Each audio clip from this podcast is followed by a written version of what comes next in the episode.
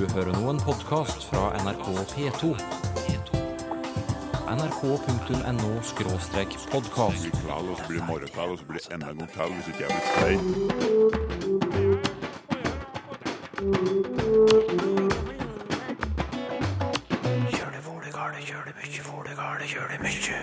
Island har klart det igjen. Denne gang er det engelske mansplaining som har fått islandsk drakt. Og da tenkte jeg at vi kan jo ikke være noen dårligere enn enn islendingene. Vi bør jo ha et norsk ord på det samme. Og har fisken mulle, mullus surmuletus, fått navnet sitt fordi den ser så sur ut? Ja. ja, det var jo et artig sammentreff det her. Det, det har nok ikke noe med surmul å gjøre. Vel møtt til Språkteigen. Har vi behov for et norsk ord for mansplaining? Ordet som ble kåra til årets ord av The New York Times i 2010, og som beskriver fenomenet med at menn føler en trang til å forklare allting for kvinner. På Island har de funnet på et eget ord, og det ble kåra til årets ord i 2016. Det er et ord som ble eh, brukt av forfatteren Hallgrímur Helgason for første gang i 2011. Og ordet er rotskiring. Og da tenkte jeg at vi kan jo ikke være noen dårligere enn enn islendingene. Vi bør jo ha et norsk ord på det samme. Derfor tok Silje Beite Løken ved den norske ambassaden i Reykjavik kontakt med Språkteigen. Men trenger vi et norsk ord for fenomenet? Eh, Hvis de har ikke lykkes eh, å finne et ord ennå, så, så tror jeg de må finne et eh, nytt ord. Og det, det er nødvendig, tror jeg, at uh, ha et ord for, for denne situasjonen som mange kvinnfolk finner seg i. Sier den berømte forfatteren Hallgrimur Helgason, som altså lanserte det islandske ordet i 2011. Men hva er mansplaining? Um, how many of you have heard the word mansplaining? Wow. It's like 50 50. I thought the word was like, you know, that it was a virus everybody had. Hvem som uh, lanserte ordet er uvisst, men det dukka opp i USA og er sammensatt av man og explaining.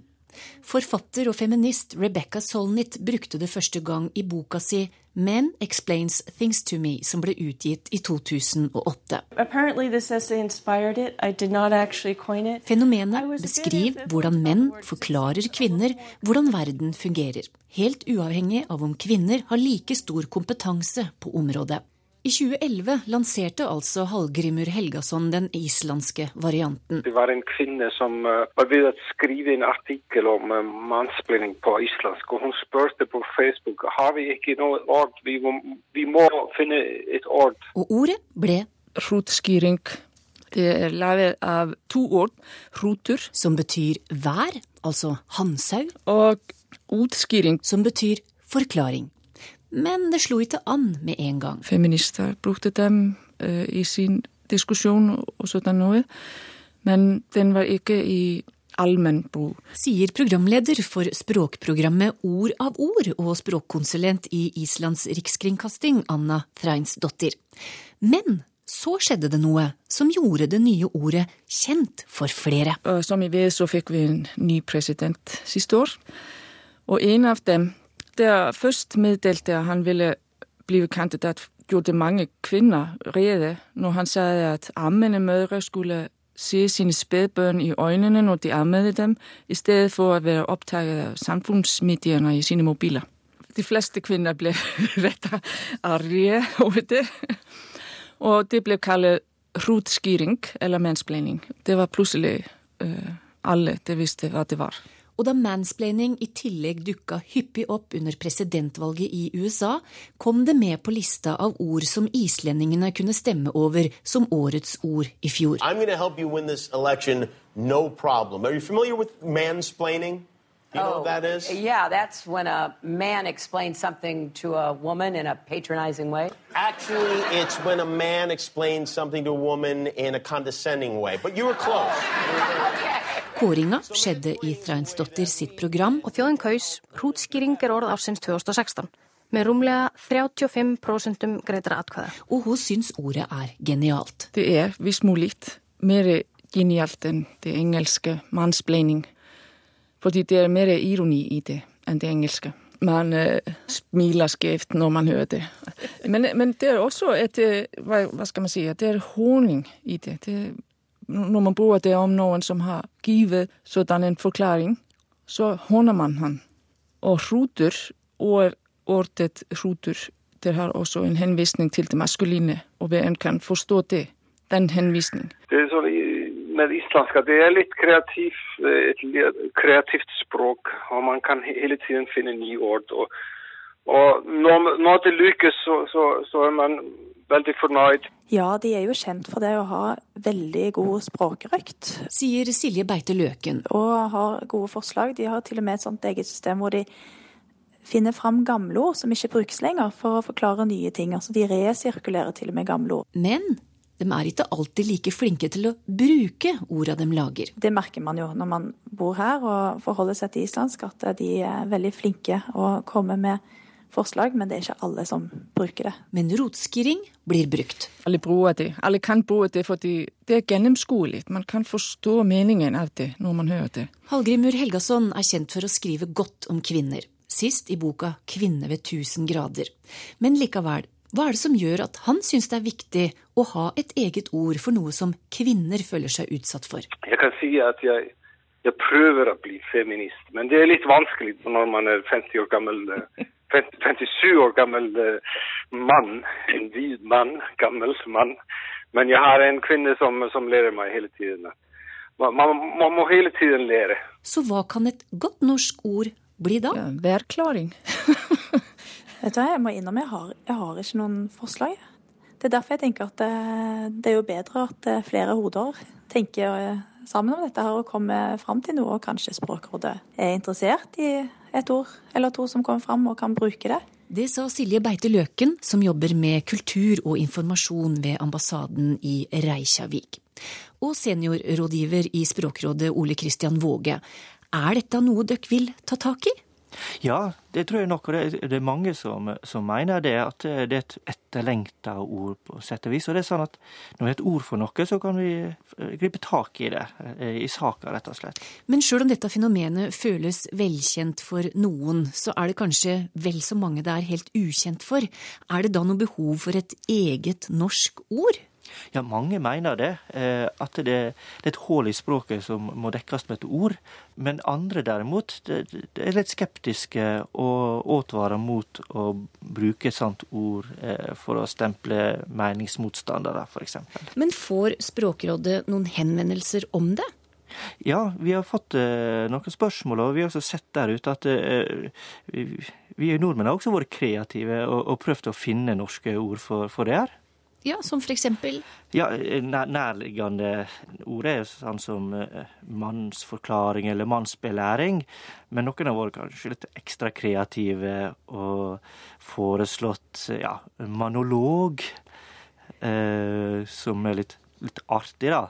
Det spiller litt på endinga låg som eh, som en slags ekspert, da, ikke sant? Eh, En biolog, antropolog, men like mye også monolog. Det er vel kanskje det som ligger litt i det her eh, belærende i det begrepet her. Eh, ja, og så ser vi også at eh, noen har foreslått eh, manstruering, som eh, er litt snodig ord. Men det, går på det inst man tar vekk inn instruering og, og slår sammen mann med mann, da. Kollegaen min på Island, Anna Threinsdottir, syns det islandske ordet var mer genialt enn det engelske. Klarer vi å få til noe slik? Ja, jeg tror det, det med, med, med, med Hvis vi bruker ordet belæring, f.eks. mannsbelæring, så får vi fram litt, litt det der eh, ovenfra og ned. Og så er jo det også et ord som, eh, sånn som forstått det, så kommer fra sp Språkteigen, gubbedosering. Ja. Eh, er jo inne på det der at det, det er litt sånn gubbevelde, gubber som, eh, som, eh, som står for det her, altså. Jeg skal legge til at det var en kollega av meg som foreslo det, som er Ja. språkkontakt i NRK. Mm. Som tenkte seg om litt grann når jeg fortalte om det her, og så sa han hva med gubbedosering? Ja, ikke sant, for det, ligger, det med gubbe og bukk har litt det, det samme over seg, altså.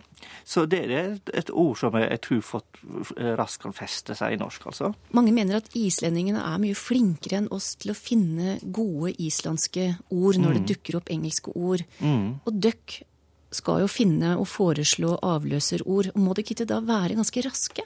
Jo, vi, vi må på sett og vis være, være raske, eh, fordi at hvis det, et engelsk ord fester seg, så, så blir det vanskelig for et norsk ord. Eh, samtidig så er det jo er det språkbrukeren der ute som, som er det beste til å lage ord.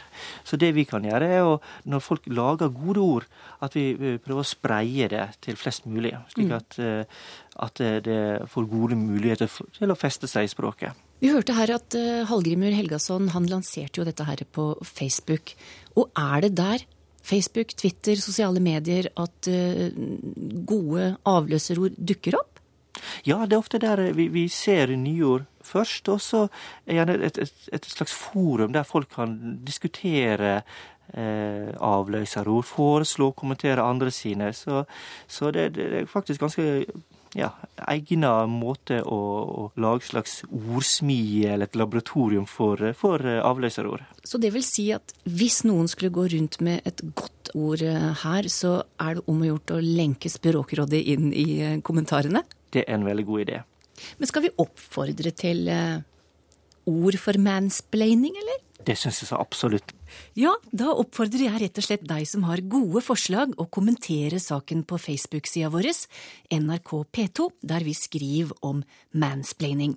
Eller engasjer dere på Twitter, og lenk Språkrådet inn, eller bruk dem som emneknagg.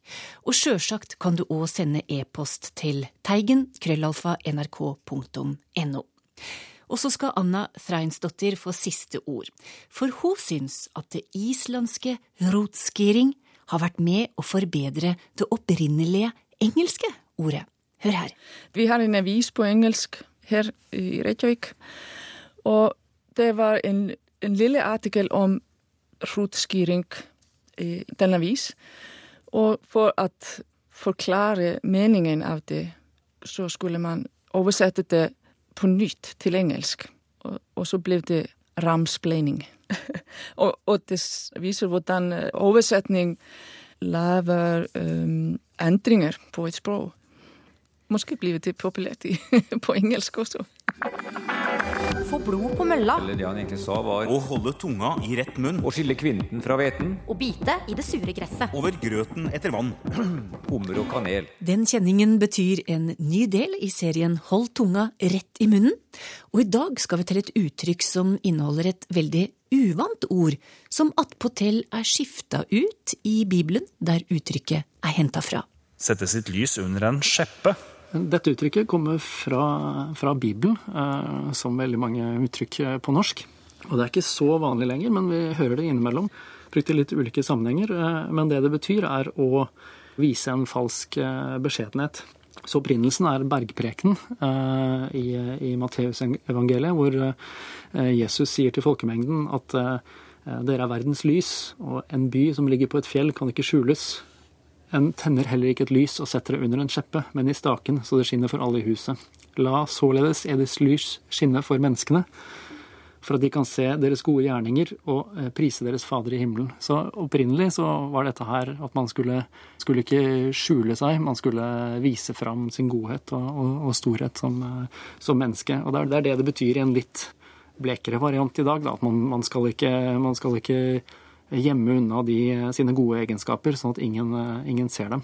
Og det som gjør dette litt vanskelig, er jo ja, både, både, opprinnelsen er det ikke så mange som uh, kjenner, men ordet skjeppe er jo ikke vanlig i det hele tatt. Nei, hva er det?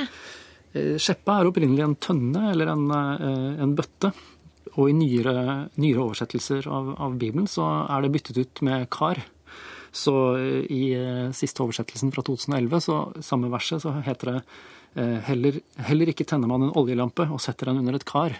Det er den samme betydningen, men det, det blir liksom ikke den helt uh, det samme litterære kvaliteten over det. Så, så, dermed har det opprinnelige uttrykket fått, uh, fått overleve som, uh, med ordet 'skjeppe' i seg. Men hva er de vanligste feilene vi gjør her, da? Ja, det Her er det ordet 'skjeppe' som, som skaper trøbbel. Man ender ofte opp med lignende ord, f.eks. sette sitt lys under, teppe, under et teppe som er et vanlig ord som ligger eh, nærmest eh, sånn lyd, lydmessig.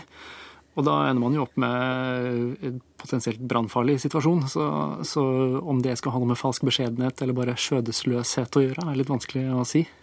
Vi har også en variant hvor, eh, et annet sjeldent uttrykk kommer inn og, og blander seg. eh, Så man snakker om å sette sitt lys under en skreppe isteden. Og en skreppe er, eh, er også et ord som var mer, mer vanlig før, eh, om en eh, skinnsekk eller væske. Um, Så da tenker kanskje folk da at eh, det er et, et gammeldags, rart ord som høres litt likt ut. Da er det, ikke, er det, det er ikke så nøye, vi kan bruke det isteden. Men å, igjen da å sette sitt lys under en skinnsekk er eh, også potensielt ja, litt, litt destruktivt, kanskje. Så ikke, ikke samme gode bilde for eh, falsk, eh, falsk beskjedenhet.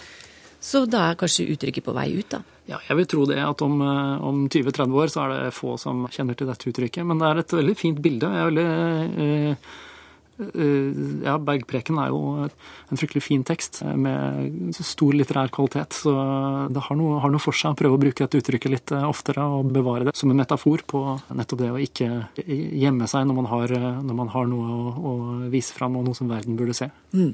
Du slår et slag for skjeppa. Ja, jeg gjør det. Jeg gjør det. Ja. Og det er lingvist Georg Kjøll som slår et slag for skjeppa. Og skreppa òg, for den saks skyld.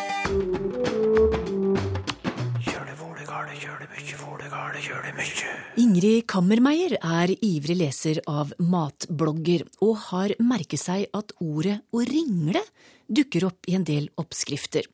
Det viser til å helle forsiktig eller å drysse noe som er flytende. Men er ringle et nyord, spør hun, og hvor kommer det fra? Spørsmålet det går til deg, Tor Erik Gjenstad. Ja, det er både gammelt og nytt, det her, eh, ser det ut som. Eh, Eller et gammelt ord som har fått ei ny betydning, kan det virke som. For å ringle, det er avleda av å ringe. Og det betyr i utgangspunktet å, å legge i ringer, eller bevege seg i ringer. Eh, Men det her med å drysse over et eller annet, det ser ut for å komme ifra svensk. Ringla. Eh, antagelig ganske nytt der òg. Ja. Ringla over, eh, belagt fra 1940. Og da er det snakk om å spre egentlig i ringer, eller i sirkelbevegelser. Og fra svensk da, så er det kommet inn i norsk eh, ganske nylig, og enda ikke ordboksført, men det kommer til å bli det i Det norske akademis store ordbok, som eh, kommer ut nå til jul. Eh, Der blir det ført opp som betydning fem av å ringle, altså den nyeste betydninga. Og definisjonen så langt det er å anbringe i sirkelbevegelser, og det er et sitat som forteller om å ringle olivenolje over suppa. Og det er akkurat det her. Eh, Jeg prøver å se etter hva tid det kunne komme inn i norsk og skitt på det her, akkurat det her ringle over, Ja. som en typisk bruk. Det eldste avisbelegget jeg finner det er fra 2002. Men så fant jeg det på Nasjonalbiblioteket, det her bokhylla, eh, i ei kokebok fra 1986, men den er karakteristisk nok oversett fra svensk. Akkurat. Så da begynner det å komme inn. Vi har fått et litt poetisk brev fra Kjell Wernø, som ble inspirert av noe han fikk i garnet på en fisketur. Han fikk nemlig ei mulle i makrellgarnet sitt i høst. Han har sendt bilde av henne og skriver at han syns den ser litt sur ut. Kanskje rimer det med det latinske navnet mullus surmuletus, skriver han. Og han spør hvor stammer surmule fra? Ja. ja, det var jo et artig sammentreff, det her. Det er nok tilfeldig, men det var jo en artig observasjon. Ja. Det der surmulet, surmule, det er nok heilnorsk eh, språkstoff, det. Eh, det er jo sammensett av adjektivet sur om sinnsstemninger som vi kan komme til av og til. Og så verbet da, å mule, som betyr å, å være sur, eh, gretten og, og furte. Og det er jo igjen laga til substantivet mule om eh, munnpartiet, da. For det blir jo gjerne litt karakteristisk når det er sur. Så det er det. Men det her fisknavnet, ja, det, det er jo litt spesielt. Eh, Altså mulle, det er jo latin. Og det er det er vel et farge Han nevner jo den her uh, gulstripete uh, farga her. Mm. Og latin muleus betyr uh, purpurfarga.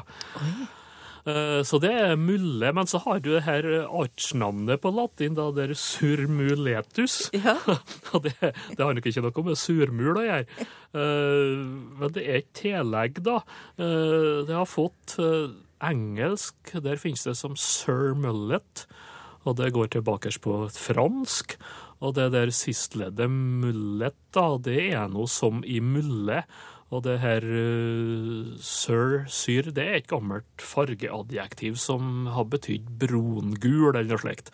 Så det har ikke noe direkte med den surmulia som nordmenn har for seg og jeg. Nei. Men det var en artig liten observasjon, for han syntes at mulla så litt sur ut òg. ja, ja, den har noen slike eh, karakteristiske skjeggtråder, den der. Så det er litt eh, spesiell å se til, ja. Så et spørsmål fra gammel kvinesdalsdialekt. Det gjelder ordet syssan. Det er Leif Hartli Andreassen som ofte har hørt mora si si du kan gjøre det syssan, men ikke sånn. Og er dette å høre i flere dialekter, spør Leif. Ja, den forma syssan, eh, som altså betyr slik, slik som dette her, og ikke slik som det der. Altså på den måten her. Eh, norsk ordbok sler slår sammen en del varianter der under eh, artikkelen så, så, bindestrek mellom de to såene, så det regnes som et sammensatt ord, eh, som betyr altså slik eller eh, således. Og de eh, samla de her eh, variantene med y, da, som sysso, syssa, syssan, syssin, sysso. Og det er et eh, sørvestlig område. Det er i grunnen, ja, Vest-Agder eh, er det godt belagt, og flere plasser i Agder, og så går det også inn i, eh, i Rogaland og som plasser i Hardanger. Så denne forma her har jo et sørvestlig område. I Trøndelag så er det litt annen form. Da har du det her soson. Som er nok sammensatt av så og sånn. Så sett dem sammen til, til et nytt ord. Vi skal til ordet kjepphøy. Det er et godt norsk uttrykk, skriver Torunn Nyen til oss. Men hva er opprinnelsen? Ja, kjepphøy eller kjepphøg, det betyr noe da hovmodig, kry, frekk, noe i den stil. Eh, Nå finnes det også i dansk, kjepphøy. Og det kan vel være at det er, selv om det er et godt norsk uttrykk, så kan det være lånt fra dansk. Eh, For det er liksom ikke belagt i noe voldsomt gammelt materiale i norsk. Og danske ordet, da, der er det et førsteledd som er et eldre verb å kjeppe. Som eh, den danske ordbok definerer som være eller tale overmodig. Så det er da du er kjepphøg. Verbet har du i norsk også, å kjeppe seg. Eh, Kanskje særlig på Vestlandet. Eh, Det kan bety å oppføre seg utfordrende, eller å manne seg opp litt. Og opprinnelig der så henger det jo sammen med å kippe, som betyr å røkke eller vippe. Så det er vel noe med kroppsbevegelsene da, når du kjepper det og, og, og er litt sånn eh, bråkjekk. Mm. Så ingenting med en kjepp å gjøre. Nei, eh, egentlig ikke, eh, som språkmateriale. Så det er tilfeldig likhet. Men du har nå eh, noe uttrykk vet du, med kjepp. Eh, at hun er som ei høn på en kjepp. Da ganske frisk og, og oppegående. Det er et trønderuttrykk, da. Men det har nok ikke noe direkte med kjepphøg å gjøre, nei. Vi har fått et spørsmål fra Røros, der det har vært Martna denne uka. Og da hadde Rørosmuseet kjelker som tema. Det forteller Jostein Utstemo, og han spør er det en sammenheng mellom kjelke og noe som er kjelket å til, og kjelkete oppførsel på folk? Ja, eh, det er sammenheng. Kjelkete, altså adjektivet, er avleda av kjelke.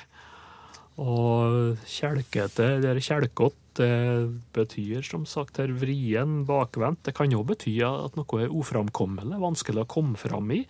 Og om folk, da, som er vanskelig, egenrådig og, og tverr. Og en kjelke kan òg bli bruka som skjellsord på en eh, vrien, tverr og vanskelig person. Mm. En kjelke å ha med å gjøre. Og det spørs om bindeleddet her er et uttrykk som norsk ordbok fører opp. Eh, en kjelke i veien. Og det er da overført Det er noe som kommer i veien for en, eller ei hindring, da. Og egentlig da en mann med en kjelke i veien. Eh, Helt konkret. Så blir det da overført eh, som et hinder, og da blir jo han kjelkete, kjelkete. Ja.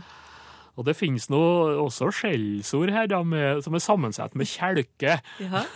Vi har jo både rangkjelker og tverrkjelker om folk, og, og et par mer spesielle fra Nordmøre er jo meinkjelke. Han heter Mein, da, men det er jo en person. Og en tvartpåkjelke, det er jo en tverr. Tverrbukken som står på tvert. Så altså, det er kjelken her som står eh, kanskje litt på tvert i veien. Det er den som er kjelkete i utgangspunktet. Hmm. Jeg lurer på dialektuttrykka dryle, som betyr å kaste med stor kraft, og trøske, som betyr å slå kraftig. Hvor kommer de fra, og hvor utbredt er dem, spør Sølvi Christoffersen. Ja, det her å dryle Der eh, må vi vel melde litt pass når det gjelder opphavet. hvor Ordbøkene fører rett og slett opp at det er uviss opprinnelse. Når det gjelder utbreiinga, så er det vel Vestlandet og Nord-Norge. Eh, Du finner det der. Men eh, også Trondheim har det der med å, å dryle, men der er det vel kanskje særlig å sparke hardt, eller å kaste en ball hardt, og da kan du få deg en drylar. og jeg kjenner det jo, altså en drylar, det var bruka der jeg kommer fra, altså Sunndalen på Indre Nordmør. Og der kunne en drylar være en lusing eller en ørfik, men også en sterk dram. Kunne bli kalla en drylar. Oi, som slo litt, ja. Ja, ja, den sled. Så var det der med å trøske, om å, å slå kraftig.